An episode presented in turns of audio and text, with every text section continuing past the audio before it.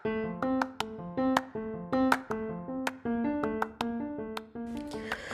datang di podcast gua. Kenalin gua Isal Awan. Podcast ini adalah tempat gua bercerita, tempat gue berkeluh kesah, tempat gua nyampein aspirasi tentang hal-hal yang nggak penting tapi gue coba ungkapin siapa tahu nanti jadi penting tapi nggak tahu bakal penting atau enggak intinya selamat mendengarkan dan nggak usah diambil serius ini hanya tempat berkeluh kesah dan selamat menikmati. Selamat datang kembali di podcast gue Isal Awan. Ini podcast gue berkolaborasi dengan temen gue dan spesial juga karena masih membahas tentang kehidupan remaja.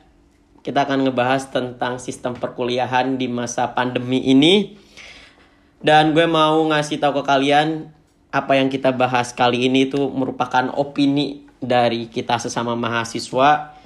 So ini nggak bermaksud untuk ngejat sistem yang ada atau kita mau mengkampen sesuatu yang dianggap negatif. Kita hanya menyuarakan apa yang menurut kita perlu untuk banyak orang dengar gitu. Kita hanya mencoba untuk menjelaskan apa yang kita rasakan. Kita nggak pengen mengajak, kita nggak pengen mengubah opini sesuatu uh, hal yang seharusnya nggak diungkapkan dan lain-lain intinya kita chill aja kita cuma pengen ya sharing-sharing aja hmm. tentang apa yang kita rasakan di sistem perkuliahan saat pandemi ini langsung aja kita sambut teman saya yang sangat optimis karena dia nggak mau disebut dengan uh, sesuatu penggerak gitu langsung kita panggil ini dia Haris ya gimana ya selamat siang Haris Selamat siang. Selamat siang. Jadi uh, boleh kenalan, saya kenalin aja. Dia ini adalah menurut saya aktivis keren, tapi dia nggak mau dibilang aktivis. Dia maunya dipanggil optimis dan gue nggak tahu alasannya kenapa. Dia adalah orang yang benar-benar banyak bersuara untuk memperjuangkan hak-hak, terutama mahasiswa karena dia sekarang menjadi mahasiswa. Dia banyak ikut aktif di organisasi organi inter internal dan eksternal.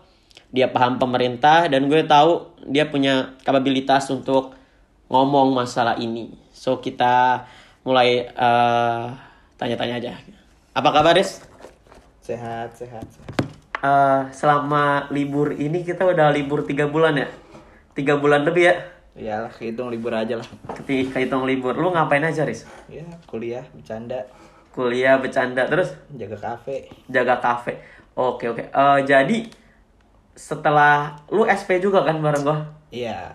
Oke SP juga. Tiba-tiba SP tiba-tiba. SP tiba-tiba. Menurut lu asik gak sih online ini? Nggak asik. Nggak asik. Kenapa tuh? Ya gini sih. Uh, yang pertama uh, ketika misalnya ada himbauan uh, untuk kuliah daring ya oke oke aja sebenarnya tapi dengan catatan mahasiswa semuanya emang udah 100% bisa akses internet. Nah, kalau misalnya dari pemerintah uh, sudah menjamin mahasiswanya untuk bisa akses internet, ini bukan masalah dikasih kuota atau apa, tapi uh, hari ini bisa jamin nggak teman-teman kita yang di Papua sana, yang di Kalimantan, bahkan nggak jauh-jauh Lampung itu oke okay, kita kalau misalnya di Jakarta kita bisa pakai platform Zoom segala macam. Nah yang gue lihat uh, ketika gue di Bandung, teman gue anak Unila rata-rata temennya nggak nggak ada yang pakai zoom nggak umum lah untuk okay, apalagi okay. untuk mahasiswa yang saya golongan menengah gitu ya, hmm. ya atau ya golongan bawah juga apalagi karena ya uh, di satu isi kuota itu berat tapi di sisi lain ketersediaan dari kuota ya ada nggak sih sinyalnya di kampung gitu kan? Okay. bahkan kalau misalnya gue baca beberapa uh, berita di Makassar di Makassar kalau nggak salah anak Unhas itu ada ada yang sampai jatuh dari menara karena dia nyari sinyal internet. Kalau meninggal atau gimana nggak tahu. Cuman intinya di situ gue melihat ketidaksiapan penyelenggaraan pendidikan gitu. Yang mau nggak mau ini pandemi gitu. Tapi uh, setidaknya ya apa salahnya sih kalau misalnya emang uh, kuliah dipending dulu nih cuman ya kita bener-bener lockdown bener-bener kita beresin dulu ini corona baru ntar lanjut lagi daripada kayak gini kan uh, kesenjangannya makin kelihatan gue sependapat sih soalnya masalah sinyal. Ini mungkin kelihatan sepele buat orang-orang yang di kota kan. Gua aja di Jakarta, lu ke kos gua aja nggak ada sinyal ini. Karena kosnya pojok. Nah, setelah dipikir emang bener banget yang lo omongin sih kayak belum siap dari buat orang-orang yang berada di luar Jawa lah istilahnya. Yang mungkin oke mereka punya uang tapi akses di daerahnya tidak tersedia sinyal yang mampu untuk ngidupin Zoom yang tadi lu bilang kan. Iya, nggak ada jaminan misalnya dari pemerintah eh, bilang kayak gini. Oke, kita kuliah daring pakai aplikasi online apa pun karena hari ini Indonesia misalnya sudah 100% terkoneksi sama internet kan tidak pernah ada. Tadi kan lu bilang kalau misalkan kita lockdown berarti tiga bulan kemarin nggak ada kuliah. iya. Tapi menurut lu bakal ngorbanin ya menurut gue ya 100% orang kan nggak semuanya nggak bisa akses internet nih. Oke. Kalau lu ngomongin yang harus lockdown semuanya, are you sure like that? I mean like bakal mensejah apa ya? Yang orang bisa akses ini dan lu menerapkan lockdown untuk keseluruhannya, apa itu efektif? Nah, eh, sebenarnya poinnya kan di sini kan penyelenggaraan pendidikan memang nggak nggak semuanya tentang kuliah ya. Maksudnya eh, ya SD, SMP, SMA pun kan harus daring gitu. Cuman gue melihat eh, di beberapa di ya banyak media, gue tidak melihat kesiapan itu sehingga gue melihat ini agak dipaksakan. Bukan berarti emang nggak bisa banget ya, tapi gue melihatnya emang agak dipaksakan aja gitu. Terutama buat temen-temen yang di pelosok gitu. Nah, gue juga gue gue ingat ada data di Asosiasi Penyedia Jasa Internet Indonesia. Penetrasi internetnya itu cuma 64,8 persen di Indonesia yang emang terkoneksi dengan internet. Tapi di situ juga nggak ada keterangan bahwa untuk Zoom, untuk Google Meet itu cukup kuat gitu kan. Karena gue sendiri yang di Bandung ya kadang-kadang yang namanya internet kan nggak nggak stabil juga gitu. Nah itu mengganggu sih. Kayak gitu. Kalau menurut lo, kalau misalkan kita nggak menggunakan Zoom, ini gue asumsi berarti lo mempertanyakan kenapa harus menggunakan aplikasi yang susah diakses oleh orang yang tidak bisa terkoneksi internet. Itu kan yang jadi permasalahan. Nah, misalkan Masalah, masalahnya adalah kenapa wajib masih wajib wajib bagi mereka gitu kan. oke, karena emang mereka nggak bisa. Nah itu kan berarti ya kita juga tidak menyalahkan maksudnya bukan berarti kita oke ini orang nggak ada usaha segala macam enggak memang usaha ya penting kita juga sama-sama usaha untuk nyelesain studi gitu kan cuman realistis nggak gitu kan ya kasihan juga kalau memang em, ada yang di kampung dan internet terbatas tapi harus mengikuti kelas dari gitu kan. Itu itu pertanyaan sih. Kalau buat gue lebih ke pertanyaan ya bukan pernyataan ya. Ya karena gue ngelihat eh, ya hari ini itu bisa berjalan tapi tidak menjamin bahwa 100% eh, siswa maupun mahasiswa ya sebenarnya itu dapat mengikuti itu. Oke, kecuali ada jaminan dari pemerintah ada statement bahwa misalnya semua siswa sudah siap. Enggak tapi di sini kan jatuhnya himbauan. Iya. himbauan untuk eh, kegiatan pembelajaran jarak jauh gitu kan meskipun ya sekolah ditutup oleh segala macam oleh pemerintah cuman ya pemerintah hanya menutup tapi tidak menyediakan solusinya gitu kan. Setidaknya beberapa kampus ya memang udah ada dikasih bantuan kuota segala macam. Cuman poinnya menurut gua ya lu dikasih kuota ya kayak enak kita yang di wifi ada kosan segala macam kuota bisa buat main game atau buat video kalau atau buat apa bahkan kan bisa dipakai untuk hal seperti itu. Cuman kalau misalnya di kampung yang nggak ada sinyal emang kuota itu bakal bakal bisa dinikmatin kan? Nggak juga. Karena emang permasalahannya itu lebih besar gitu. ketersediaan aksesnya. Mm, bukan Kalau- masalah ada kayak hari ini banyak lah eh, mahasiswa demo masalah UKT masalah Oh, eh, kuota atau masalah transparansi uang uang kuliah. Cuman eh, yang gue lebih highlight di hi- gua highlight banget masalahnya adalah ya ada nggak jaminan 100% eh, siswa dan mahasiswa di Indonesia ini eh, punya akses ke internet? Entah mereka harus beli kuota entah mereka dapat bantuan kuota itu eh, apa ya? Ya itu ya hari ini juga Mendikbud nggak berani jamin kan untuk bisa memfasilitasi semuanya kan? Iya. karena memang ya mau nggak mau ini kan namanya juga pandemi dan ya emang gak ada yang tahu gitu meskipun ada konspirasi global segala macam. Nah cuman gue nggak sepakat dengan diksi bantuan kuota sebenarnya. Karena gue Oke. lihat beberapa kampus eh, apa me- me- apa ya menyatakan ya eh, termasuk kampus kita kan menyatakan ada bantuan kuota. Nah, Iya, gua- dan udah. Udah gitu kan udah. Ada ya terima kasih sedikit. Nah tapi eh, menurut gua itu bukan bantuan. Menurut gue itu memang kewajiban sebagai eh, sebagai apa ya kewajiban dari dari institusi yang penyelenggara institusi penyelenggara pendidikan karena kalau menurut gue ya itu hal itu tersebut kayak fasilitas ya kita tiap hari juga kan dapat fasilitas untuk penunjang perkuliahan Iya. nah makanya saya rasa kalau mis- ya gue rasa lah kalau misalnya eh, apa ya fasilitas itu tuh bukan bukan bantuan tapi lebih ke memang tanggung jawab eh, universitas untuk menyediakan eh, fasilitas yang menunjang kegiatan perkuliahan ya agak utopis sih kalau kita cuman bilang itu bantuan atau kebaikan. Gue menghargai itu bukan sebagai bantuan tapi memang sebagai kewajiban pihak universitas karena kita juga nggak gratis. Ya, bener banget. kayak gitu aja. Even dia anak beasiswa dia misalnya dapat bantuan dari mana beasiswa dari mana tapi kan ya ujung-ujungnya memang ada uang masuk untuk membiayai perkuliahan kita karena di Indonesia kan kuliah nggak gratis. Iya. Ya, kayak gitu. Dan di tengah situasi karena kita lagi nggak uh, offline, otomatis kan uang untuk biaya pemeliharaan gedung dan lain-lain mungkin bisa dialihkan untuk yang bantuan tadi. benar Eh, tadi gue menarik sih pembahasan lo. Nah, gue tuh bukan bantuan sekali lagi bukan bantuan tapi kewajiban dari fasilitas Oke, oke. Tadi menarik banget pembahasan lo, Riz. Nah, gue penasaran nih. Hmm. Menurut lo, tadi kan udah banyak eh, lo mengkritik hal yang seharusnya dilakukan oleh pemerintah dan instansi pendidikan. Hmm, mempertanyakan Mempertanyakan sih. Gue tuh pengen tahu, menurut lo itu apa sih yang harus dilakukan oleh pemerintah dan instansi pendidikan ya kampus SMA Iya. untuk menghadapi pandemi gitu. Iya. Strategi yang tepat menurut lo. Hmm. Nah, eh, strategi ya, karena gue belum masuk, misalnya gue bukan praktisi ya, tapi, iya. eh, se se ini yang gue lihat, pendidikan itu kan eh, pada intinya itu kan pendidikan tinggi ya, gue Hmm. kurang baca kalau pendidikan eh, menengah bawah nih, cuman pendidikan tingginya itu kan yang nomor satu itu tujuannya adalah mengembangkan karakter kan. Iya ya, ben- Nah, jadi kadang-kadang oke kita sekarang lu jurusan HI, gue jurusan Oke. ekonomi segala macam ya. Itu memang jurusan kuliahnya gitu. Tapi pada intinya kan kita mencetak em, iya mencetak mahasiswa dengan cara dengan eh, apa ya? Bukan beban apa ya? Dengan panduan dari tridharma perguruan tinggi gitu kan. Jadi menurut gua eh, menarik ketika hmm, apa ya?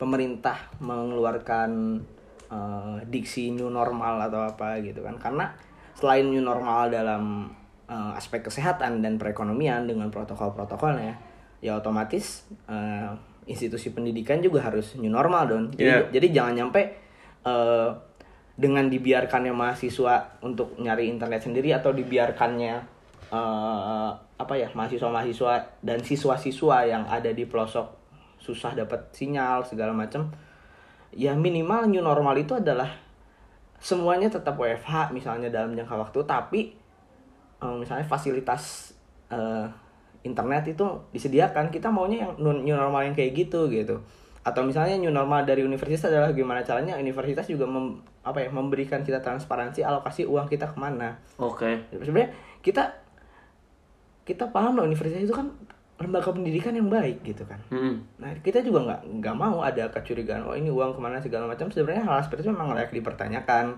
apalagi memang jujur gue sebagai mahasiswa gue belum pernah tuh ngelihat 10 juta gue UKT kita nih, Hmm. dipakai buat apa aja kan gue nggak tahu juga gitu kan selama ini gitu kan nah nah yang gue pengen dari new normal itu selain eh, dari new normal ekonomi new normal di eh, kesehatan di situ juga harus ada new normal dalam pelayanan pendidikan harus diadaptasi gitu. Jadi jangan sampai pendidikan juga jadi nomor sekian kan gitu. Ini juga masalah pendidikan loh gitu kan. Ya kelihatan sih sekarang eh, apa ya gue juga kebetulan punya adik adik gue lagi nyari kuliah ya kan dia bimbel online segala Hmm. macam itu juga kan eh, cara orang bersosialisasi juga jadi berubah harusnya gitu Iya ya. Nah, sekarang kita mau mau apa ya? Mau mengikuti sesuatu hal dengan secara daring di di internet melalui media. Oke, itu sangat memudahkan, tapi setidaknya new normal yang gue pengen adalah penyediaan fasilitas menunjangnya dulu deh gitu. Bisa lu spesifikin lagi nggak penyediaannya Nah, itu apa gitu? iya, Mungkin gitu kan. yang Nah. dengerin juga Oke. maksudnya apa nih? Iya. Gue sendiri belum pernah denger misalnya eh, Mendikbud atau Dirjen Dikti ya sekarang bilang kayak kita pakai sistem kuliah daring siap kok karena sekarang 100% mahasiswa sudah punya gadget yang memadai misalnya. Iya. ya itu mungkin bener tapi kan iya Hmm. it- sinyal tapi gadget juga kan ya sinyal oke masalah Heeh. pertama penyed- itu masalah koneksi internet ya oke Pen- yang masih 64,8% tahun 2019 nggak Iya. tahu tahun ini berapa terakhir yang gue lihat 2019 datanya. Nah yang kedua yaitu penyediaan gadget segala macam. Karena kan kita juga di kampus eh, fasilitas harian yang kita biasa rasakan kan oke lah ada statement kampus tetap bayar ada fix costnya ya kita bisa terima itu. Tapi setidaknya eh, ada alokasi yang memang menunjang kemudahan kita untuk kuliah gitu. Entah itu bantuan untuk gadget bagi yang nggak nggak punya gitu Hmm. kan. Atau misalnya ya eh, akses internet diperluas koneksinya diper dicepetin gitu kan. Ya gitu sih kalau menurut gue lebih ke situ. Jadi new normal ini bukan hanya masalah eh, ekonomi masalah kesehatan juga tapi pendidikan juga harus ada new normal di bidang pendidikan. Kalau menurut gue kayak gitu. Gue nangkep omongan lu. Intinya kalau misalkan ada new normal versi pendidikan seenggaknya perhatikan masalah koneksi yang pertama. Yang kedua fasilitas dari mahasiswa. Karena gue akuin is okay mahasiswa Pertamina kaya kaya tetapi ada beberapa yang benar. beasiswa dan gue ada beberapa temen gue yang cerita emang laptop dia rusak. HP dia kalau misalkan untuk zoom entah cepat ngedrop cepat ngehang dan lain-lain. Dan mungkin di tengah situasi kayak gini dia minta ke orang tuanya karena eh, kurang juga kan jadi Iya. belum bisa beli banyak kok temen gue yang eh, misalnya orang tuanya usahanya di pariwisata di Oh, iya. kan mati gitu. Nah, ikut terdampak juga ya sangat terdampak gitu kan bahkan bisa dibilang ya dia bingung mau bayar UKT gimana nah new normal di pendidikan juga bisa bisa jadi adalah masalah eh, distribusi eh, uang kuliah juga karena kan kalau yang di negeri setahu gue pakai sistem UKT kan maksudnya Iya. eh, bebannya beda-beda jadi subsidi silang lah gitu kan Eh, di swasta juga kalau menurut gue harus sudah mulai dengan new normal dengan cara ya me- membahas ulang dan eh, menghadirkan sebuah sistem pendidikan yang memang survive di masa-masa seperti ini. Karena memang eh, ya kita terlalu lama dengan sistem yang lama maksudnya sudah terlalu nyaman ketika hari ini memang diuji ya hari ini ya mau nggak mau kalau mau diuji ya gerak gitu. Hmm. makanya sistemnya memang harus diubah entah dari ya penyediaan fasilitas atau eh, apa pun lah itu yang menunjang perkuliahan. Setidaknya eh, dari kurikulum pendidikan tinggi itu ya tersampaikan dan tujuan dari pendidikan tinggi tersebut juga harus tercapai kan intinya kayak gitu. Gue pengen garis bawahi yang mengembangkan karakter. Gue setuju banget karena eh, benar juga yang ada lu mau nyari eh, universitas dan harus menggunakan sistem online pasti ada sesuatu yang hilang gitu. Kayak kita sekarang kuliah online eh, beda rasanya dengan kita bertatap muka. Benar. karena apalagi ini masih mending kampus kita menggunakan sistem eh, bertatap muka face to face lewat lewat online kan. Iya. Ada yang cuma dikasih tugas, ada yang cuma tidak eh, mungkin malah aksesnya semakin sedikit gitu untuk mendapatkan ilmunya. Nah, sebenarnya kan kuliah itu emang nggak cuma ngelatih kita mendapatkan ilmu. Kalau orang dapat ilmu kan pasti bisa baca buku aja kan. iya Nah, gue bener banget menurut lo mengembangkan karakter itu penting banget di masa-masa kuliah. Terus yang pengen gue tanyain lagi, menurut lo tuh eh, sistem yang tepat deh di tengah pandemi ini, kita otomatis kan udah libur tiga bulan lebih. Ah. Terhitung kita yang bener-bener semua universitas langsung libur dalam artian kuliah online karena ada eh, COVID-19 ini. Nah, menurut lo kalau dari gua kalau misalkan kita langsung lockdown kayak nggak ada tatap muka nggak ada perkuliahan online itu kan bakal waktu untuk lulus makin lama iya itu iya. yang pertama iyalah atau apa sih yang menurut lu strategi yang tepat untuk mengisi waktu libur yang tiga bulan 4 bulan atau ini belum belum pastikan kita masuk kapan. Iya. Seenggaknya buat ngisi waktu online itu sistemnya gimana sih yang tepat menurut lu? Dari sudut pandang mahasiswa? Ya dari sudut pandang gue nggak mau dari sudut pandang mahasiswa juga. Intinya dari sudut pandang lu gitu. Oh, oke. Yang pertama sebagai mahasiswa ya intinya eh, kita juga harus adaptasi.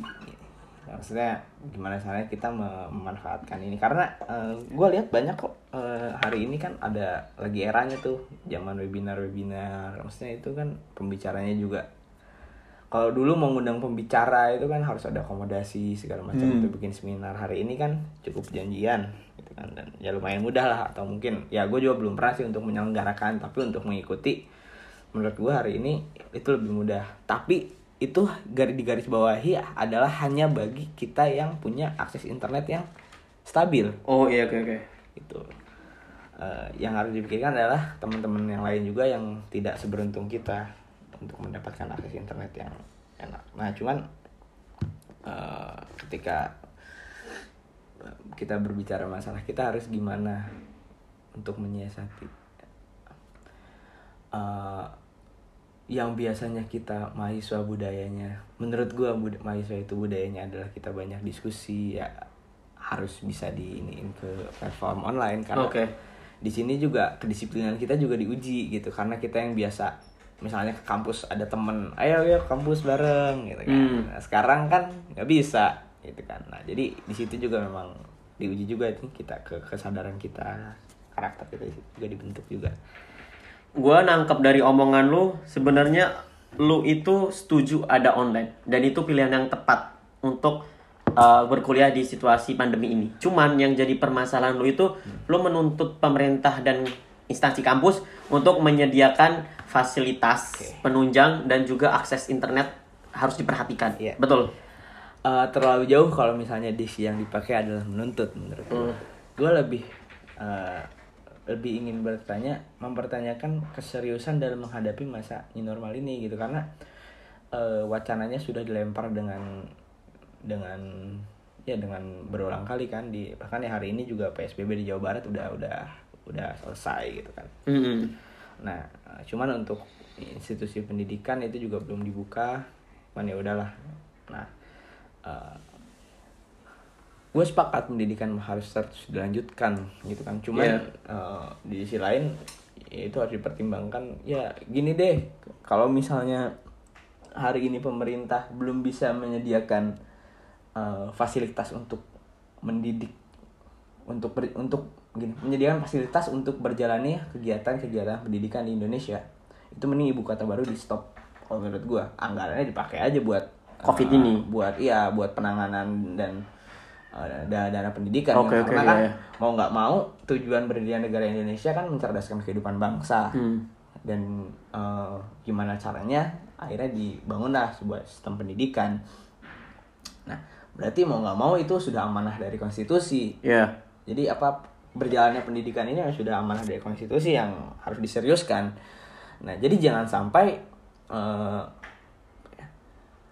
new normal dalam birokrasi juga itu harus penting. Jadi kan otomatis sekarang harus disusun kembali kan. Emang pemerintah udah ada rencana anggaran segala macam. Bahkan katanya udah peletakan batu pertama atau gimana. Oke. Mhm. Ini tidak hanya eh, masalah pemindahan ibu kota aja, tapi kan proyek-proyek lainnya juga yang setidaknya eh, tidak terlalu apa ya tidak terlalu bisa dibilang tidak terlalu urgent gitu ya setidaknya ya harusnya bisa dulu karena gini eh, men- mencerdaskan kehidupan bangsa menurut gua beda dengan harus membangun infrastruktur. Karena infrastruktur Iya. itu tetap butuh. Itu itu tetap, sangat butuh gitu. tapi di sisi lain pendidikan itu juga amanah konstitusi yang tidak bisa dinomor dua kan.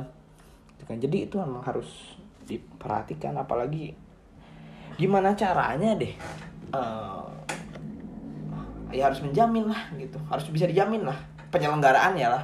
Oke it's okay ketika kita memang belum bisa menyel- pemerintah belum ada eh, alokasi anggaran untuk misalnya menggratiskan pendidikan. Karena kan pendidikan itu pada intinya tetap jadi hak. Ya. hak kita sebagai warga negara itu mendapatkan pendidikan meskipun dengan mendapatkannya kita harus masih ter- masih harus tetap membayar. Cuman eh, ya ini ini agak agak radikal. Eh, Chili pernah mengenal ada namanya revolusi penguin. Jadi waktu itu seingat gua gua berapa kali gua baca itu jadi waktu itu juga dia pernah mereformasi sistem pendidikan. Hmm. dengan cara ya karena waktu itu terlalu mahal lah pendidikan di sana dianggapnya. Eh, dengan cara ya boykot gitu. Nah cuman menurut gue dengan adanya eh, i- apa ya masifnya informasi-informasi di media uh, melalui internet menurut gue untuk menangkap keresahan itu kita nggak usah demo kok sebenarnya. Kalau memang pemerintah serius untuk mendengarkan Iya, keluhan iya. masyarakat itu kan. Karena keluhan-keluhan kita bahkan kemarin kan teman-teman mahasiswa eh, saya sangat hargai juga gitu ketika ada kemarin ada hashtag Nadim mana mahasiswa merana hashtag Nadim dicari mahasiswa yang eh, pada akhirnya ketika audiensi teman-teman mahasiswa pun eh, Pak Nadim belum belum bisa hadir gitu. Tapi seti- setidaknya eh, sebenarnya pemerintah tidak harus diboykot ketika zaman Chile pendidikan untuk untuk untuk melakukan revolusi. Tapi hari ini seharusnya new normal dari eh, kerja pemerintah adalah makin intens dalam mem- me- melihat dan membaca eh, keresahan-keresahan masyarakat di media sosial. Kayak gitu sih kalau menurut gue Eh, sebenarnya bisa lu spesifiknya nggak keluhan mahasiswa itu apa yang tadi? Yang hashtag Nadim dan lain-lain. Mungkin bagi pendengar kita kan kayak Oh. emang apa sih keluhannya sih? Iya, iya, iya. Yang pertama, eh, yang gue lihat, eh, apa ya?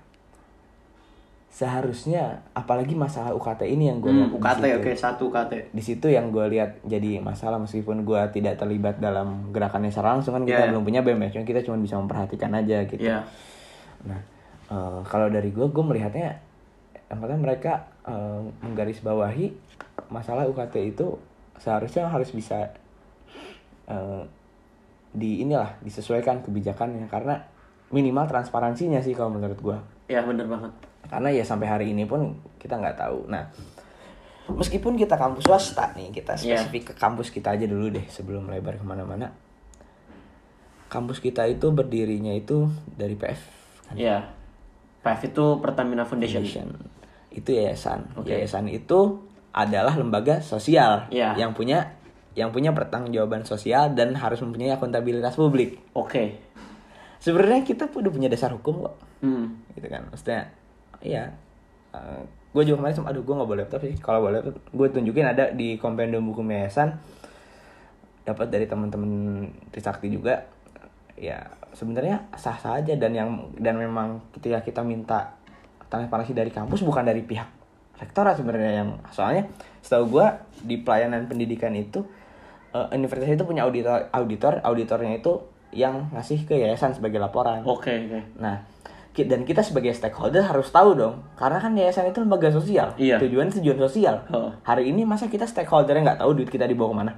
itu nggak mungkin sih menurut gua pasti tahu Nah, pasti tahu kan. Iya. Dan, dan setidaknya, oke itu adalah masalah dapur yang ketika misalnya kita tahu sampai 100% itu akan menimbulkan eh, citra lembaga yang kurang baik karena itu memang ba- bagian dapurnya eh, pihak yayasan. Tapi setidaknya ada statement. Misalnya kemarin kenapa kita nggak turun? Ya gitu kan? Setidaknya ada statement langsung dari rektor.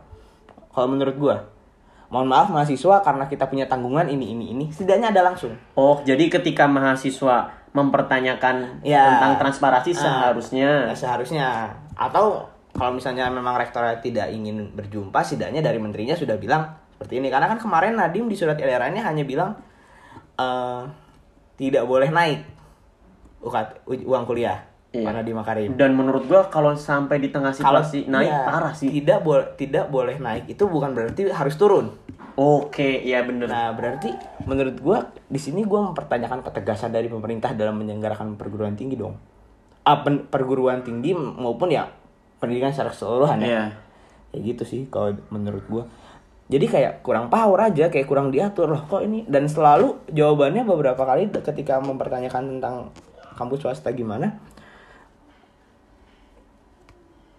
kita udah punya ada PTN kan macam-macam nih. Iya, banyak. Eh, eh, PTN BH apa segala macam. Nah, ketika itu ketika Pak Nadiem bilang iya itu urusan kampus masing-masing itu seolah-olah pemerintah lepas tangan kalau menurut gua karena intervensinya nggak ada seharusnya ketika memang kasihan juga kita sama pihak universitas yang misalnya pemasukannya terganggu. Kalau misalnya kita eh, apa ya minta turun. minta turun ya kan? Tapi kalau misalnya pemerintah memang serius dalam menyelenggarakan pendidikan seharusnya sebelum kita ketika kita mengeluh lah ketika kita mengeluh sudah ada, ada statement mohon maaf kita hanya bisa turun segini dengan alasan ini. Jadi apa ya tidak ada kecurigaan tidak ada tidak ada eh, kecurigaan yang nanti apa menggoreng opini publik sehingga nanti menimbulkan eh, kesalahpahaman antara pihak universitas dengan mahasiswanya sendiri. Yang lebih ngeri itu di situ. Iya. makanya setidaknya ada statement dari rektor atau direktor atau siapa pun lah yang bisa atau misalnya direktur keuangan yang yang bisa me- apa? Karena kan kampus pun punya sosial media untuk mengklarifikasi itu. Ya gue liat bagus banget kok Universitas Pertamina gitu apanya eh promosinya Iya, tapi iya. info buat kita ini juga kurang jelas maksudnya boleh kok nggak ada salahnya eh, kampus punya Instagram punya apa aja sih kampus itu medianya Ada web. gue cuman lihat di lain oh gitu Iya. nah oh ya ada web juga, Web ya. juga, gue ya. cuman tahu eh, Instagram sama website gitu nah kalau misalnya itu dijadikan eh, sarana misalnya eh, rektor menjawab beberapa keluhan setiap minggu atau misalnya me- memberikan kejelasan dari pertanyaan-pertanyaan mahasiswa hari ini Tapi setahu gue kampus kita untuk aspirasi di mana ya, Dis? Gue kayaknya nggak nggak pernah tahu tuh kalau kita mau menyampaikan aspirasi itu Ah. di mana. Jujur ya, mungkin ini melenceng jauh dari Ya, pembahasan. sama sama sama sama maksudnya gue juga masih meragukan Hmm. kredibilitas himpunan dalam menyuarakan aspirasi karena kan himpunan jurusan kan ya lebih banyak di keprofesian gitu dan, Iya, iya. dan emang kita belum ada bem juga tapi bukan berarti ketika belum adanya bem dan belum bersatunya suara mahasiswa bukan berarti kita tidak bisa menyuarakan aspirasi kita dong Ya, karena kan benar, kita benar, juga hidup di negara yang katanya udah merdeka kan Eh, ini res. Eh, ada yang menarik dari pembahasan lo tadi masalah UKT. Nah, kalau dari sudut pandang eh, pemerintah misalkan gimana memandang mungkin yang lo omongin itu ada bener dan enggaknya sih res. Soalnya pemerintah pasti mikirin kalau dia ngasih di peraturan dia bahwa kampus seharusnya menurunkan UKT itu mungkin akan ada beberapa aksi demo yang sedikit besar di universitas di seluruh Indonesia. Karena itu langsung keluar dari pemerintah pusat. Bahwasanya karena mungkin tidak ada sistem tatap muka yang kalau kita pikirkan secara logis mungkin itu sebenarnya nggak merugikan eh, kampus banget gitu dalam artian kalau kita online kan uang yang gedung listrik ya kan kebersihan ada yang pastinya berkurang dari biaya yang seharusnya dibayarkan ke kampus.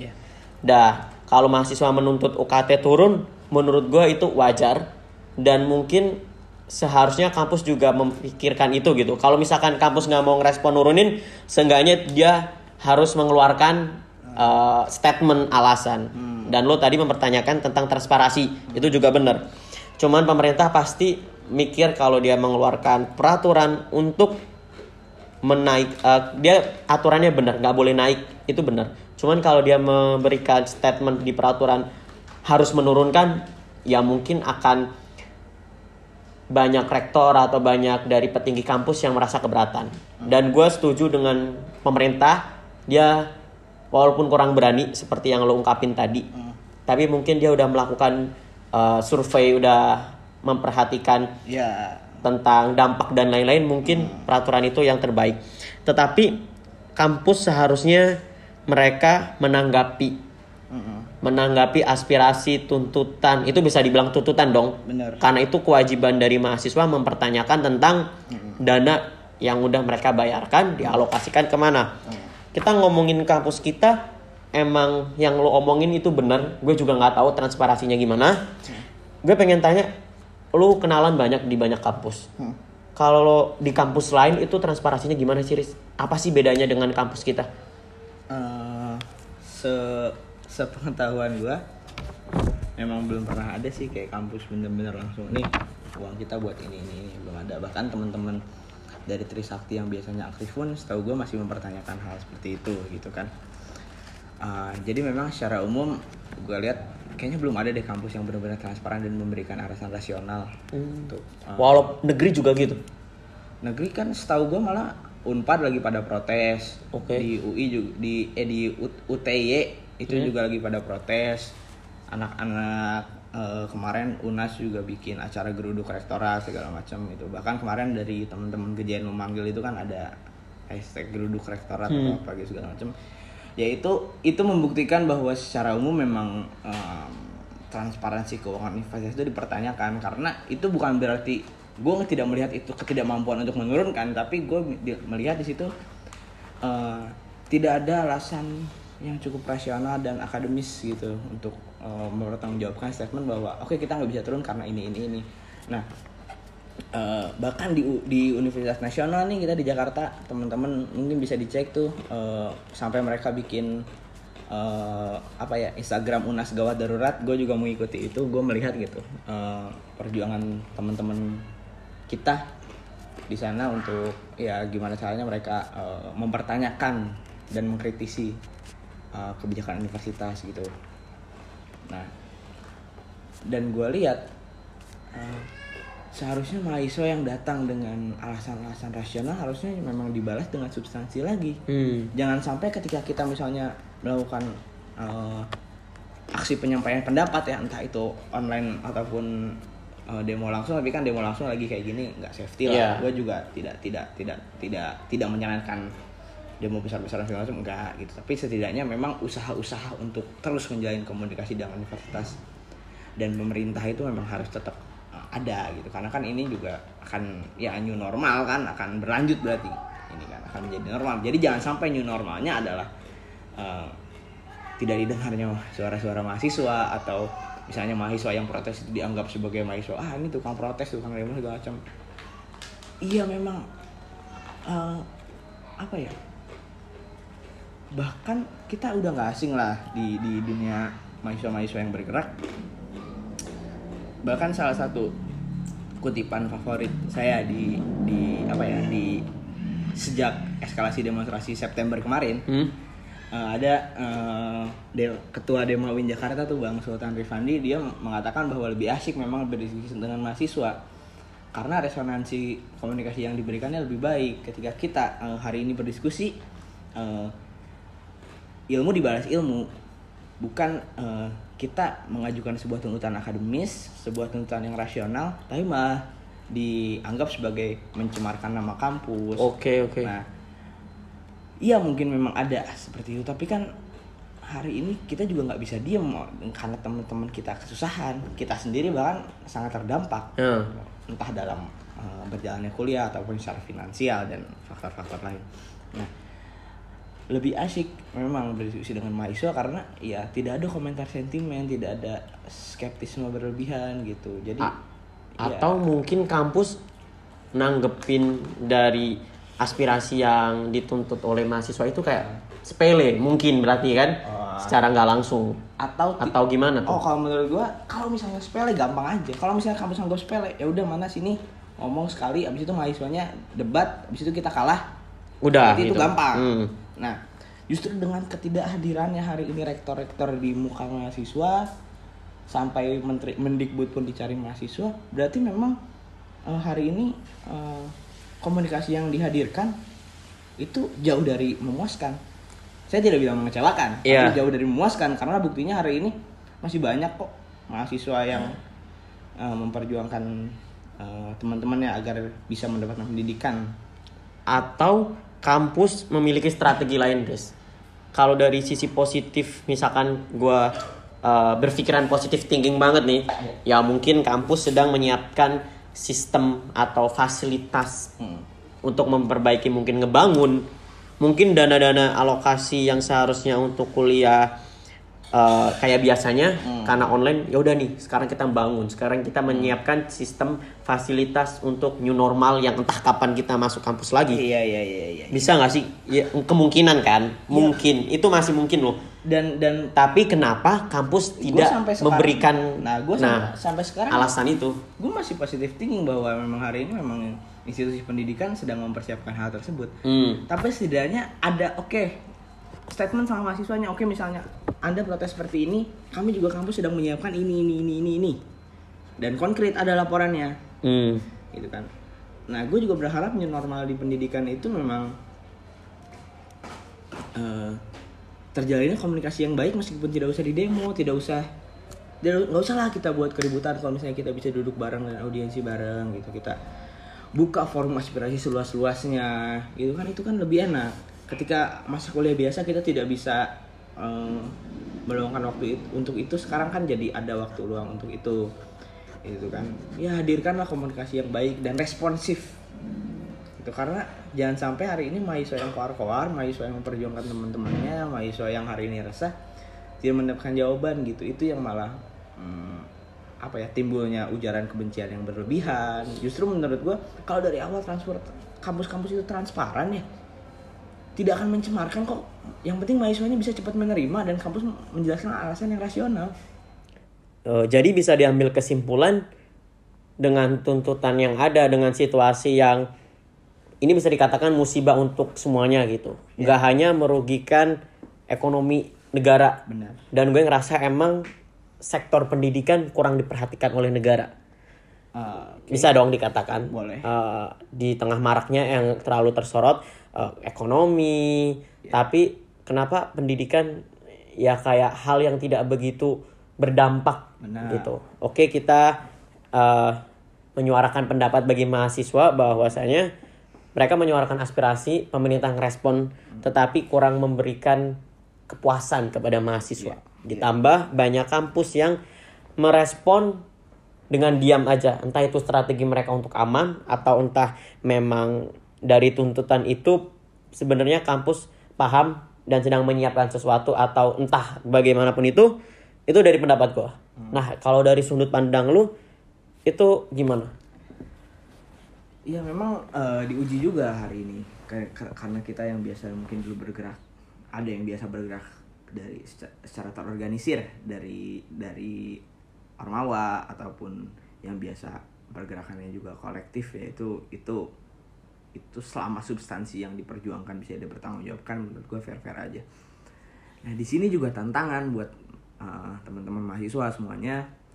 Eh, hari ini ayo kita konsolidasi online gitu kan. Kita bisa lah pakai cara-cara yang lebih lebih bisa kita pakai gitu. Kita juga harus adaptasi nggak bisa juga kita sibuk menuntut tapi kita juga memang tidak tidak beradaptasi nah PR juga nih apalagi buat kampus kita yang memang dengan ketidakhadiran BEM dengan ya belum ada juga terus habis itu juga eh, kajian-kajian yang mungkin sudah digodok di himpunan masing-masing gitu kan. Ya meskipun terlalu berat lah kalau misalnya kita eh, bergantung kepada himpunan apalagi eh, ketua himpunannya gitu kan itu berat juga. Makanya sebenarnya sekarang yang memang diperlukan adalah kesadaran juga dari mahasiswa untuk terus bertanya dan konsolidasi juga Mm-mm. gitu Nah, kemarin juga saya juga respect ya ada beberapa teman-teman yang eh, membuat media di apa FPMD Kak.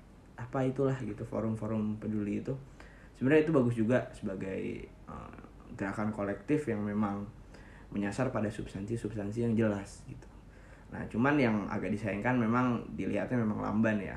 Ya karena gerakan kolektif memang ter- tidak terkoordinir gitu. Cuman eh, di situ memang tantangan mahasiswa yang memang ketika ada forum-forum tersebut ya jangan dianggap sayap kanan atau sayap kiri. Maksudnya sudah cukup kita untuk berdebat masalah bagaimana cara uh, kita bergerak dan cara kita menyelesaikan masalah. Tapi uh, di sini yang jadi poin adalah bagaimana ini tentang substansi yang kita perjuangkan? Jadi jangan jangan ah gue nggak nggak suka nih sama orang yang ada di situ orang yang kontribusi di situ. Lah itu teman-teman kalian juga kok yang uh, membuat forum itu pasti anak UP juga gitu kan. Meskipun ya orang-orang di dalamnya juga uh, saya rasa mereka menganonimkan dirinya untuk uh, menjaga agar bagaimana uh, gerakannya memang tetap uh, organik ya tetap tetap kolektif dan memang berdasarkan pada keresahan bukan pada uh, jabatan-jabatan di organisasi yang nantinya cenderung akan menjadi pelampiasan dari aktualisasi seperti yang kemarin juga pernah digoreng sama uh, mahasiswa di media sosial yang tentang Presma UGM Mhm. hmm. segala macam ya itu memang rezeki dia tapi memang uh, untuk menghindari seperti itu sebenarnya hari ini gerakan-gerakan kolektif lebih aman asal kajian-kajiannya masif dan kajian nanti harus ada terbit juga nih di kampus kita kajian-kajian akademis yang memang membahas tentang keadaan mahasiswa hari ini Udah kayak gitu sih. Jadi solusinya dengan adanya Dengan- bergerak secara kolektif benar Oke, jadi mungkin pembahasan kita pada sesi ini kita stop nyampe di sini. Sebenarnya masih banyak hal yang perlu diungkapin dari lo, gue tahu. Cuman mungkin karena durasi dan di next podcast podcast kita akan ngebahas lagi. Dari gue terima kasih, gue Faisal Haji Setiawan dan Gua Haris. thank you for listening this podcast. Sampai jumpa in the next podcast.